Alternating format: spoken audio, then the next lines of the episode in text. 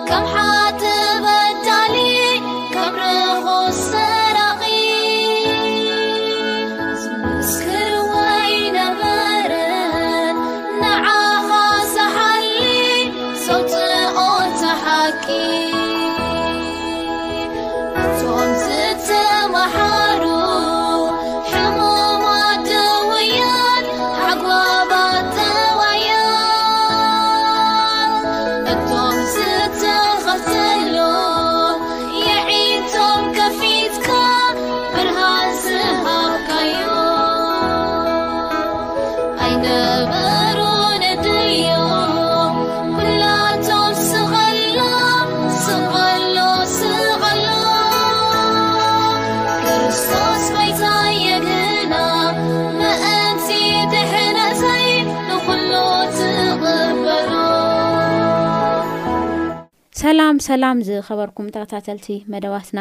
ሕዚ እውን ተመሊስና እግዚኣብሄር ጸጋ ኣብዚሑልና እንደገና ክንራኸብ ክኢልና ኢና እግዚኣብሄር ኣምላኽና ኣዚና ኢና ነመስግኖ ምሳና ስለ ዘለኹም ንኣኹም እውን እግዚኣብሄር ይዋርኩም እንግዲህ እዚ ሰሙን እዚ ኣብ ሓድሽ ዓመት ከም ኢትዮጵያ ኣቆፃፅራ ካብ 214 ናብ 215 ሰጊርና ናይ መጀመርያ ሰሙንና እንግዲህ ብሓጎስ ላስገረና ኣምላኽና እናመስገና ከምኡ ከኣ ዝልወጥ መንነትና ዘሎ ነገር ናብ ቅድሚ ኣምላኽ እናቅረብና ክንካይድ ዘዳለናዮ መደብ እዩ ሎማዓንቲ ክንሪኦ ንሓሰብናዮ ኣብ መዝሙር ሚእቲ ዓሰርተ ትሽዓተ ፈቅዲ ዓስር ሸሞንተ ዘሎ ሓሳብ እዩ ዝኸውን ከምዚ ይብል ኣብ ሕግኻ ተኣምራት ክርእሲ ኣዒንተይ ክፈተለይ ይብል ኣብ ሕግካ ተኣምራት ክርእሲ የዒንተይ ክፈተለይ ይብል ማለት እዩ እና እዚ ምዚ ኣተሒዙ ከዓ ክርስቶስ የሱስ ኣብ ማቴዎስ ሽዱሽተ እስራን ክልተን ዝተዛረቦ ሓሳብ ኣሎ እሱ ክንርኢና ምስ እዚ ምስ መዝሙር ም ዓስር ትሽዓተ ዓስር ሸሞንተ ለሎ ምስ ካልኦት ጥቅስሳት እናገበርና ዓይንተ ክፈት ኣለ ዩ ዝብል እሞ ከመይ እዩ እግዚኣብሔር ዓይነትና ንኸፍት ዝብል ኢና ሓቢርና ክንርኢ ቅድሚ ኩሉ ግን ኣማን ሓውና ሕዚ እውን ኣብ ምሳይ ኣብ ስትድዮ ኣሎ መጀመርያ እንኳዕ ድሓን መጻኻ እናበልኩ ጸሎት ሕጽር ዝበለ ጸሎት ትገብር እሞ ናብ መደብና ክንኣቱ ኢና እሺ ኣብ ሰማያት ትነብር ቅዱስ እግዚኣብሔር ኣምላኽና ስለዚ ግዜን ሰዓትን ነመስግነካ ኣለና ኣሜን ሕጂ ድማ ክቡር ዝኾነ ቃልካ ከፊትና ንማየጠሉ እዋን ንስኻ ከተምህረና ክትመርሓና ንምነካ ኣሜን ንሰማዕቲ እውን እዚ ቃል እዚ ክንዛረብ ከለና ንስኻ ቃልካ ክትገልጸሎም ብቅዱስ መንፈስካ እውን ክትበጽሖም ንልምነካ ኣለና ስለ ኩሉ ነገር ተመስገን ብጎይታና መድሓና የሱስ ክርስቶስ ስም ኣሜን። ኣሜን ኣሜን እሺ ሓንቲ ሕቶ ከብለልካ ማማን ኦ። ካብኡ ብኣ ክንጀምር ኢና ሕዚ ለንበብክዎ ሕቶ ኣነ ኣብ ሕግኻሲ ተኣምራት ክርኢ ይብለካ ማለት እዩ ግን ኣዒንተይ ክፈተለ ይብል እሞ ዓይኒ ንምንታይ ብዙሕ ቦታ ባይዘወይ መፅሓፍ ቅዱስና ዓይኒ ይጥቀም እዩ ኢለካ እየ ኣብ ኣንቶ ከምቲ ማቴዎስ ሽዱሽተ ዕስራን ክልተለ እግዚኣብሄር ክርስቶስ ኣብዚ ምድሪ ክነብር ከሎ ብዛዕባ ዓይኒ ዝተዛረቦ ነገር እና ንምንታይ ዩ ዓይኒ ወሳኒ ዝኾነሉ እዋ ሓቂ ከ ኢኸ ሓፍትና ቹቹ መፅሓፍ ቅዱስ ኣብ ማቴዎስ መርብ ሽዱሽተ ፍቅሊ ዕስራን ክልተን ናይ ስጋ መብራህቲ ዓይኒ እያ ይብለና ናይ ስጋ መብራህቲ ዓይኒ እያ ዓይንኻ ጥዒት እንተኾነት ብዘሎ ስጋኻ ጥዑይ ይኸውን ይብለና ዓይንኻ ሕምምቲ ተኾነት ግና ብዘሎ ስጋኻ ጸልማት ይኸውን ስለዚ ዓይነይ ወሳን እያ እዚ ብምሉእ ኣካላትና ኦፕሬት ክገብር ዝኽእል ብርሃን ክኸውን ዝኽእል ተስፋ ክንርእ ዝኽእል ጥዑያት ክንከውን ንኽእል ዓይንና ጥዑይ ምስ ዝኸውን እዩ ዓይኒ ወሳኒት እያ ብጣዕሚ ካብ ዘሎ ኣካላትና ኩሉ ኣካላትና ብጣዕሚ ወሳኒ እዩ ግን ዓይንኻ ብርሃን እያ ብርሃን እያ እና ወሳኒት እያ ስለዚ ኣብ ናይ ሎማዓንቲ ኣርእስትና ዓይነይ ክፈት ዝብል ኣርእስትና ክንሪኦ ዝደሊ ብዛዕባ ስጋዊ ዓይንና ጥራሕ ዘይኮነሲ እቲ መንፈሳዊ ኣዓይንትና በሪሁ እቲ ናይ ሰማያዊ ክብሩ እቲ ናይ ሰማያዊ ሃብቱ ምእንቲ ክንርኢ እዩ። እዚ ጥቕሲ እዚ ኣብ ማቴዎስ ምዕራፍ ሽዱሽተ ፍቕዲ ዕስራን ክልተን ዘሎ ሓሳብ እንታይ እዩ ዝብለና መስለኪ? መዝገብናሲ ኣብቲ ሰረቕቲ ዅዒቶም ክሰርቅዎ ዘይክእሉ፣ ኣብቲ ዘይባኽን፣ ኣብቲ ዘይጠፍእሲ ክንገብር እዩ ዝጽውዓና። ኣብ ማቴዎስ ምዕራፍ ሽዱሽተ ፍቕዲ ዓሰርተ ትሽዓተስ እንታይ ይብል? መዝገብካ ኣብ ዘለዎ፣ ኣብኡ ድማ ልብኻ ኣሎ። ስለዚ ብልዒ ኣብ ዘይበልዖ፣ ነቐዝ ኣብ ዘይነቕዞ፣ ሰረቕቲ ዅዒቶም ኣብ ዘይሰርቅዎ፣ ኣብ ሰማይ ደኣ ትሬዥረርካ፣ እቲ ሃብትኻ፣ እቲ መዝገብካ ዅሉሲ ኣብኡ ሰይቭ ግበር ይብለና። ኣብ ሰማይ ከመይ ጌርና ኢና ትሬጀረና እቲ ሃብትና ብምሉእ ከነቐምጦ ንኽእል ብክርስቶስ ብምእማን ንክርስቶስ ብምእዛዝ እዩ እቲ ክርስቶስ ደስ ዘብል ነገራት ክንገብር እዩ ንኣብነት ሓደ ሰብ ንደኻታት ዝረድእሲ ንእግዚኣብሄር የለቅሕ ይብለና ሓቀይ ስለዚ ንክርስቶስ ምእማን ከም ፍቓዱ ምምኻን ኩሉ እንታይ ክንገብር ኣለና ኣብ ሰማይ ሰፍ ክንገብር ኣለና ኣብ ሰማይ እቲ መዝገብና እቲ ሃብትና ሰፍ ክንገብር ኣለና ክንዓቁር ኣለና ኣብ ሰማይ እዚ ኣብ ሰማይ ታሽ ዝገብር ነቐ ዘይነቐዞ ሰረቅ ትኩዒቶም ዘይረክብዎ መዝገብ እዩ ንዑ እዩ ዓብይ መዝገብ ስለ ዝኾነ ኣብቲ ቅድሚ ኢልክ ዘንበብ ከዮ ኣብ መዝሙር ዳዊት እንታይ እዩ ዝብል ኣብ ሕጊ ካሲ ተኣምራት ክርእሲ ርድኣኒ ኢሉ ዝፅሊ ማለት እዩ ብዙሓት ኣንፎርነሊ ኣብ ማቴዎስ ምዕራፍ 6ዱሽ ፍቅሪ 2ራ ስለሰን ኬድ ክብ ትርእሉ እዋን ብዙሓት ናይዚ ምድራዊ ሃብቲ ናይዚ ምድራዊ ገንዘብ ከም ዓብዪ ገይሮም ብምቁፃር እንታይ ገብሩ ኢና ንርኢ ማለት እዩ እቲ ሰማያዊ ዓይኖም እቲ መንፈሳዊ ዓይኖም ስለ ዘይተኸፍተ ነዚ ምድራዊ ገንዘብ ነዚ ምድራዊ ሃብቲ ሂወቶም ኣሕሊፎም ክቡ ከለዉ ክጉድኡ ክበኣሱ ክጣፍኡ ከሎ ኢና ንርኢ ማለት እዩ ብጣዕሚ ብዝገርም ነገር ማለት እዩ ነገር ግን መፅሓፍ ቅዱስ ዝብለና እንታይ እዩ ኣብቲ ሰማያዊ ሃብቲ ዘሎ ስለዚ ኣብ ኤፌሶን ምዕራፍ ሓደ ፍቕዲ 18 እውን ከድና ንሪኢ ኣለዋን ተመሳሳሊ ሓሳብ እዩ ዝነገር እንታይ ይብል መስለኪ እሞ ኣዒንቲ ልብኹም እዚ ሕጂ ኣዒንቲ ልብኹም ዝብለና ዘሎ መንፈሳዊ ኣዒንትኹም ማለት እዩ ኪንዮ እዚ እንሪኦ ዘለና ዓለማዊ ወይ ድማ እዚ ማተር ንሪኦ ዘለና እዚ ቁሳዊ ነገር ንሪኦ ዘለና ኪንኡ ዝረአ ነገር ኣሎ ዝረአ ነገር ኣሎ ብመንፈሳዊ ኣዒንትና ንሪኦ ኣብ ሰማይ ዘሎ ሃብቲ ማለት እዩ ስለዚ እሞ ኣዒንቲ ልብኹም በሪሁ ተስፋ ፅውዕኡ እንታይ ምዃኑ ሃብቲ ርስቲ ክብሩ ኣብ ቅዱሳን እንታይ ምዃኑ ክትፈልጡ እፅሊ ኣለኹ ይብለና እቲ ዋና ነገር ክቡራት ሰማዕትና ኣዒንቲ ልብና ርእዩ በሪሁ እቲ ሰማያዊ ዝኾነ እግዚኣብሄር ዘዳለወልና ነገር ምርኣይ። እግዚኣብሄር ነቶም ዝፈትውዎ ዓይኒ ዘይረኣዮ፣ ኣብ ልቢ ሰብ ዘይተሓስበ፣ እዝኒ ዘይሰምዓቶ ነገር ኣዳልዩ ኣሎ እሞ እዚ ምርኣይን እዚ ምቕባልን እዩ። ንዕኡ ድማ እንታይ ምግባርን እዩ? ሒዝካ ነቲ እግዚኣብሄር ዝሃበካ ተቐቢልካ ምንባርን ምምልላስን እዩ ዝኸውን ዘሎ ማለት እዩ። ስለዚ በዚ መልክዕ እዚ ኣዒንቲ ልብናና ክበርህ ኣገዳሲ እዩ። ንዕኡ እዩ ቅድም ኢልኪ ኣዒንተይ ክፈት ዝብል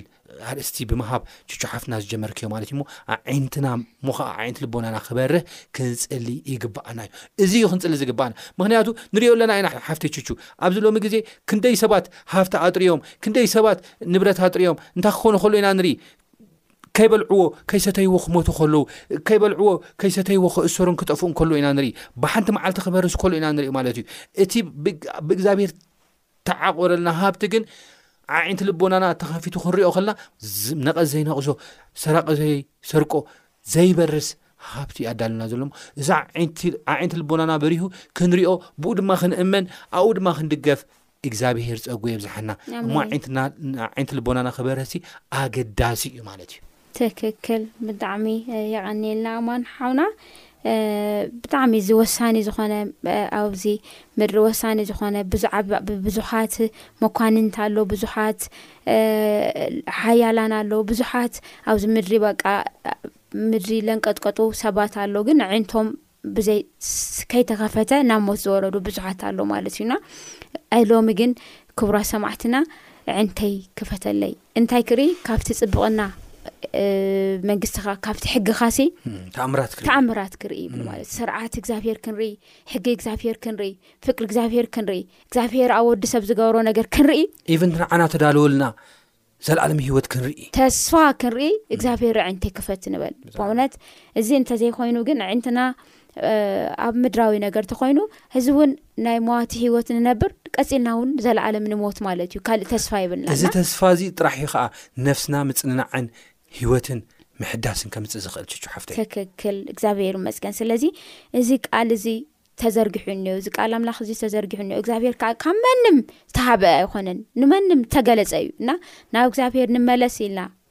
ኣብቲ ትማሊ ትምህርትና እና ሎማዓንቲ ግን እግዚኣብሄር ዓይነተይ ክፈተለይ እቲ ተኣምራትካ ክርኢ እቲ ስርዓትካ ክርኢ እቲ ሕግጋትካ ክርኢ ብእውነት ተምልና ክንፅሊ ማለት እዩ ባይዘወይ ናይ ፀሎት ሒደት እውን እዩ ክንፅሊ ከምዚ ኢልና ከም ዝግባኣና ኢና ንዘራረብ ዘለና እሞ እግዚኣብሄር መስገን ሕዚ ኣዒንቲ ዘይተኸፈተሎም ሓደ መፅሓፍ ቅዱስና ዩ ነገና ኣብ ሉቃስ ምዕራፍ ስና ኣርባዕተ ክንሪኢ ከለና እዞም እማውስ ዝጓዓዙ ዝነበሩ ክርስቶስ የሱስ ምስ ተሰቐለ ናይ እማውስ መንገዲ ይካዱ ዝነበሩ ክልተ ሰባት ብጣዕሚ በቃ ኣብ ፀልማት እዮም ኣትዮም ነይሮም ግን ልገርመካ ምስ ክርስቶስ ነይሮም እዮም ክርስቶስ ኣብ ምድሪ ክመላለስ ከሎ ምስኡ ነይሮም እዮም ድሓደ ግን እቲ ኣዕንቶም እቲ ልቦናኦም ብምሉእ ድፍን ኢሉ ተዓፅዩ ብቲ ዝገጠሞም ነገር ብቲ ሽግር ብቲ መከራ ኣብቲ ክርስቶስ ኣብ ለፅሒ ነገር ልቦም ተሰይሩ ክኸዱ ከሎ ኢና ንርኢ ኣለና እና ካብዞም ሰባት እዚኦም ንምሃሮ ነገር እንታይ እዩ መወዳእታ ከታ እዩ ኮይኑ ንኦም ብጣዕሚ ዝገርም ነገር እዩ እሞ እዚኦም ኣብ መንገዲ ኤማሁስ ዝኸዱ ዝነበሩ ሰባት ሓደ ቆልያጳ እዩ ስሙ ዛራረቡ ዝነበሩ ደቂ መዛሙርቲ የሱስ ክርስቶስ እዮም ነይሮም ስለዚ ኣብዚ ናይ መንገዲ ኤማሁስ ኬድና ንርእየሉ እዋን መጀመርያ እቲ ቅድመ ባይትኡ ክንርኢ ከለና እዞም መንገዲ ኤማሁስ ኣመንቲዮም ነይሮም ተስፋ ድማ ዝገበሩ እዮም ነይሮም ኢየሱስ ክርስቶስ ተዓዊቱ ካብዚ ናይ ሮማን ግዝኣት ኣድሒኑ ንዓና እታ ክገብረና እዩ ኣብ መንጎኡ ኮይና በዓል ስልጣናት ኮይና ክንፈርድ ኢና ዝብል ዓቢ ተስፋ ዝነበሮም ሰባት እዮም ነይሮም። ነገር ግን እቲ ተስፋ ዝገበርዎ እቲ ዝሓልምዎ ዝነበሩ ኩሉ ኢየሱስ ክርስቶስ ኣብ መስቀል ክስቀል ከሎ ብዜሮ እዩ ተባዚሑ። ኢየሱስ ክርስቶስ ኣብ መስቀል ክስቀል ከሎ ተገሪፉ ኣብ መስቀል ተሰቂሉ ከዓ ክመውት ከሎ ክርእይዎ ከሎ ብዜሮ እዩ ተበዚሑ። ብምሉእ ተስፋ ዝገበርዎ እቲ ዝሓሰብዎ እቲ ዝተለምዎ ነገር ብምሉእ ብዜሮ እዩ ተባዚሑ። ካብዚ ዝተላዕለ እዩ ከምዚ ኢሎም ተዛረቡ። ንሱ ድማ እናኸድኩም እና ጒህዮም እዮም ነይሮም። እናጒህኹም እና ንሕድኩም እናተዛረብኩም ዘለኹም ዘረባ እንታይ እዩ በሎም። ኢየሱስ ክርስቶስ ኣይፈለጥዎን። እቲ ሓደ ካብኦም ቀልዮጳ ዝስሙ በዘን መዓልታት እዚኣተን ነዚ ኣብ የሩሳሌም ዝኾነ ነገር ዘይትፈልጥ ንስኻ በይንኻዶ ኣብኣ ጋሻ ኢኻ ኢሉ መለሰሉ። ንሱ ኸኣ እንታይ እዩ በሎም። ንሳቶም ድማ በልዎ እዚ ናይ ኢየሱስ ናዝራዊ ነገር ኣብ ቅድሚ ኣምላኽን ኩሉ ህዝብን ብግብርን ብቃልን ከኣሊ ነቢይ ዝነበረ ሰብኣይ፣ ሊቃውንትን ካህናትን ዓበይትን ንፍርዲ ሞት ኣሕሊፎም ከም ዝሃብዎ፣ ከም ዝሰቐልዎን፣ ንሕና ግና እቲ ንእስራኤል ዘድሕን ንሱ እዩ ኢልና ተስፋ ንገብር ነበርና፣ ምሰናይ እዚ ዅሉ ኸኣ እዚ ኻብ ዚኸውን ሎሚ ሳልሳይ መዓልቲ እዩ ኢሎም ብተስፋ ምቝራጽን ብጓህን ንየሱስ ክርስቶስ ኪዛረብዎ ኸሎ ኢና ንርኢ ማለት እዩ። ብዛዕ የሱስ ክርስቶስ ኣብ ማእከሎም ኰይኑ እዩ ከምኡ ኢሎም ዝዛረብዎ ዘለዉ ማለት እዩ። ሕጂ ኣብዚ ክብሎ ዝደሊ ሓደ ነገር ኣሎ። ኣዒንቲ ልቦናኦም ተደፊኑ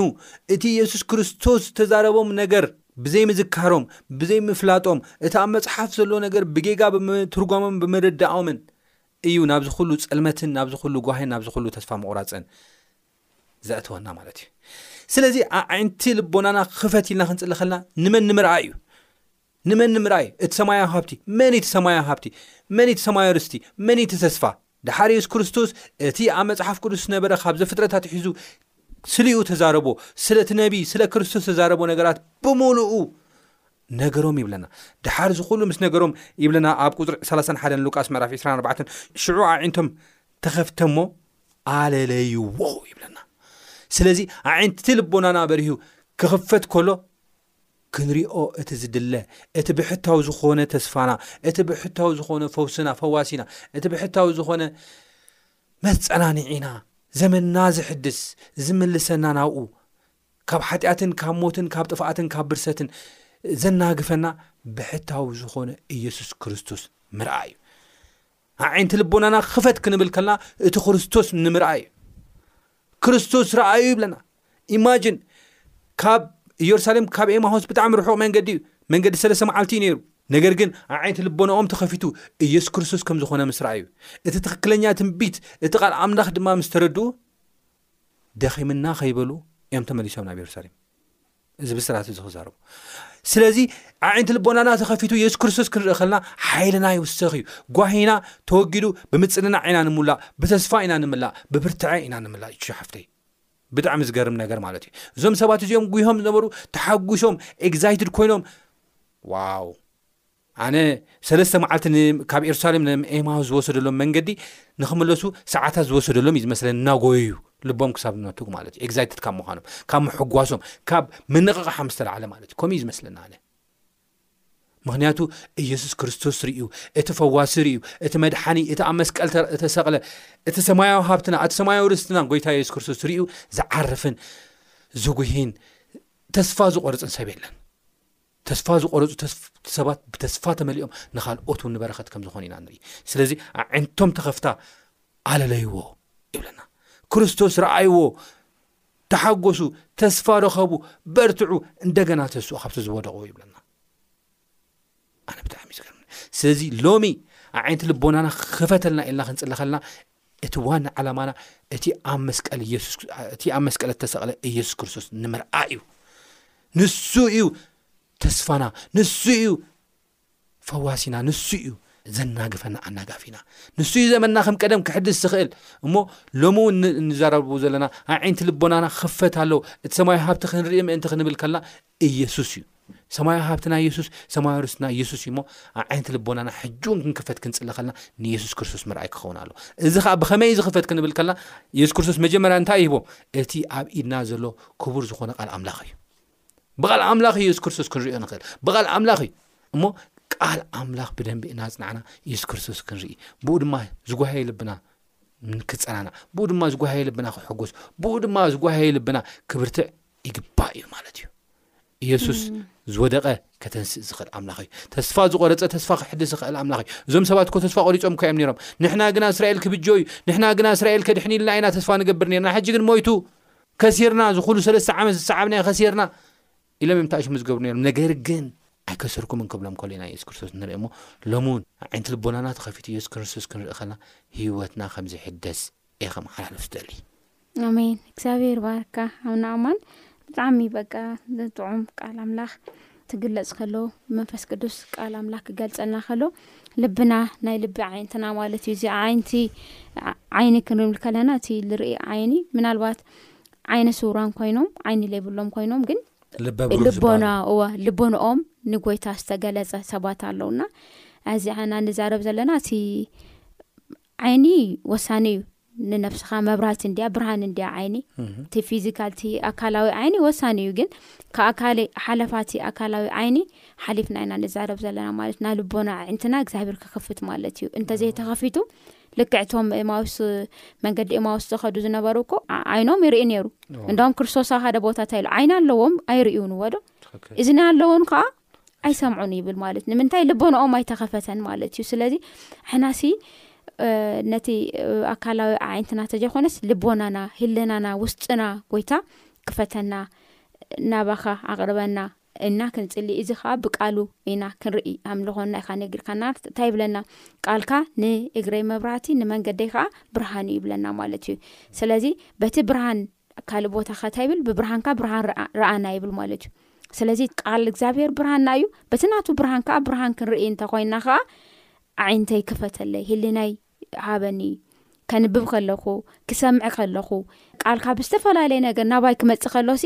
ህልናይ ኣብለኒ በቃ ውሽጠይ መንነተይ ለውጠለይ ኢልና ክንልወጥ እዩ ዝነግረና ማለት እዩ እዚ ቃል እዚ ማለት እዩ ስለዚ ናይ ልቦና ዓይንና ክክፈት ኩሉሻዕ ክንጽሊ ልቦናይ ክፈቶ ልቦናይ ኣመቻቹ ከምቲ ናትካ ጌርካ ከኣ ስርሓዮ ኢልና ክንጽሊ ይግብኣና እሞ ዝኸበርኩም ሰማዕትና ንሎማዓንቲ ዝሓዝናዮ ሐሳብ እዚ እዩ ነይሩ ምናልባት ኣብዚ ቦታ እዚ ጽቡቅ ዝኾነ ነገር እግዚኣብሔር ሂቡና እዩ ልቦና ሃበና ሂሊና ሃበና ነቲ ቃልካ ብትክክል ዘስተውዕል ነገር ሃበና እሞ ከምቲ ቃልካ ክንከይድ ከዓ ርድኣና ኢልና በቲ ወሃቢ ወድ ብርሃን ዝኾነ እግዚኣብሔር ብብርሃኑ ክንጠማጠም እሞ ካብኡ ብዝርከብ ፀጋ ክንምላእ እግዚኣብሔር ፀጉኡ ያብዝሐልና ንሎማዓንቲ ዝሓዝናዮ ሓሳብ እዚ እዩ እንግዲህ ነዚ ሰሙን እዚ ነቲ ሓድሽ ዓመት ኣመልኪትና ምሳኹም ፃንሒት ዝገበርናዮ መደብ እዚዩ ዝመስል ቀፃሊ ሰሙን ከዓ ጎይታ ከም ፍቃዱ ረዲኡና ከዓ ክንቅፅል ኢና ማለት እዩ ብነገር ኩሉ ግን እግዚኣብሔር ምስ ኩላትና ይኹን ሰላምኩም ይብዛ።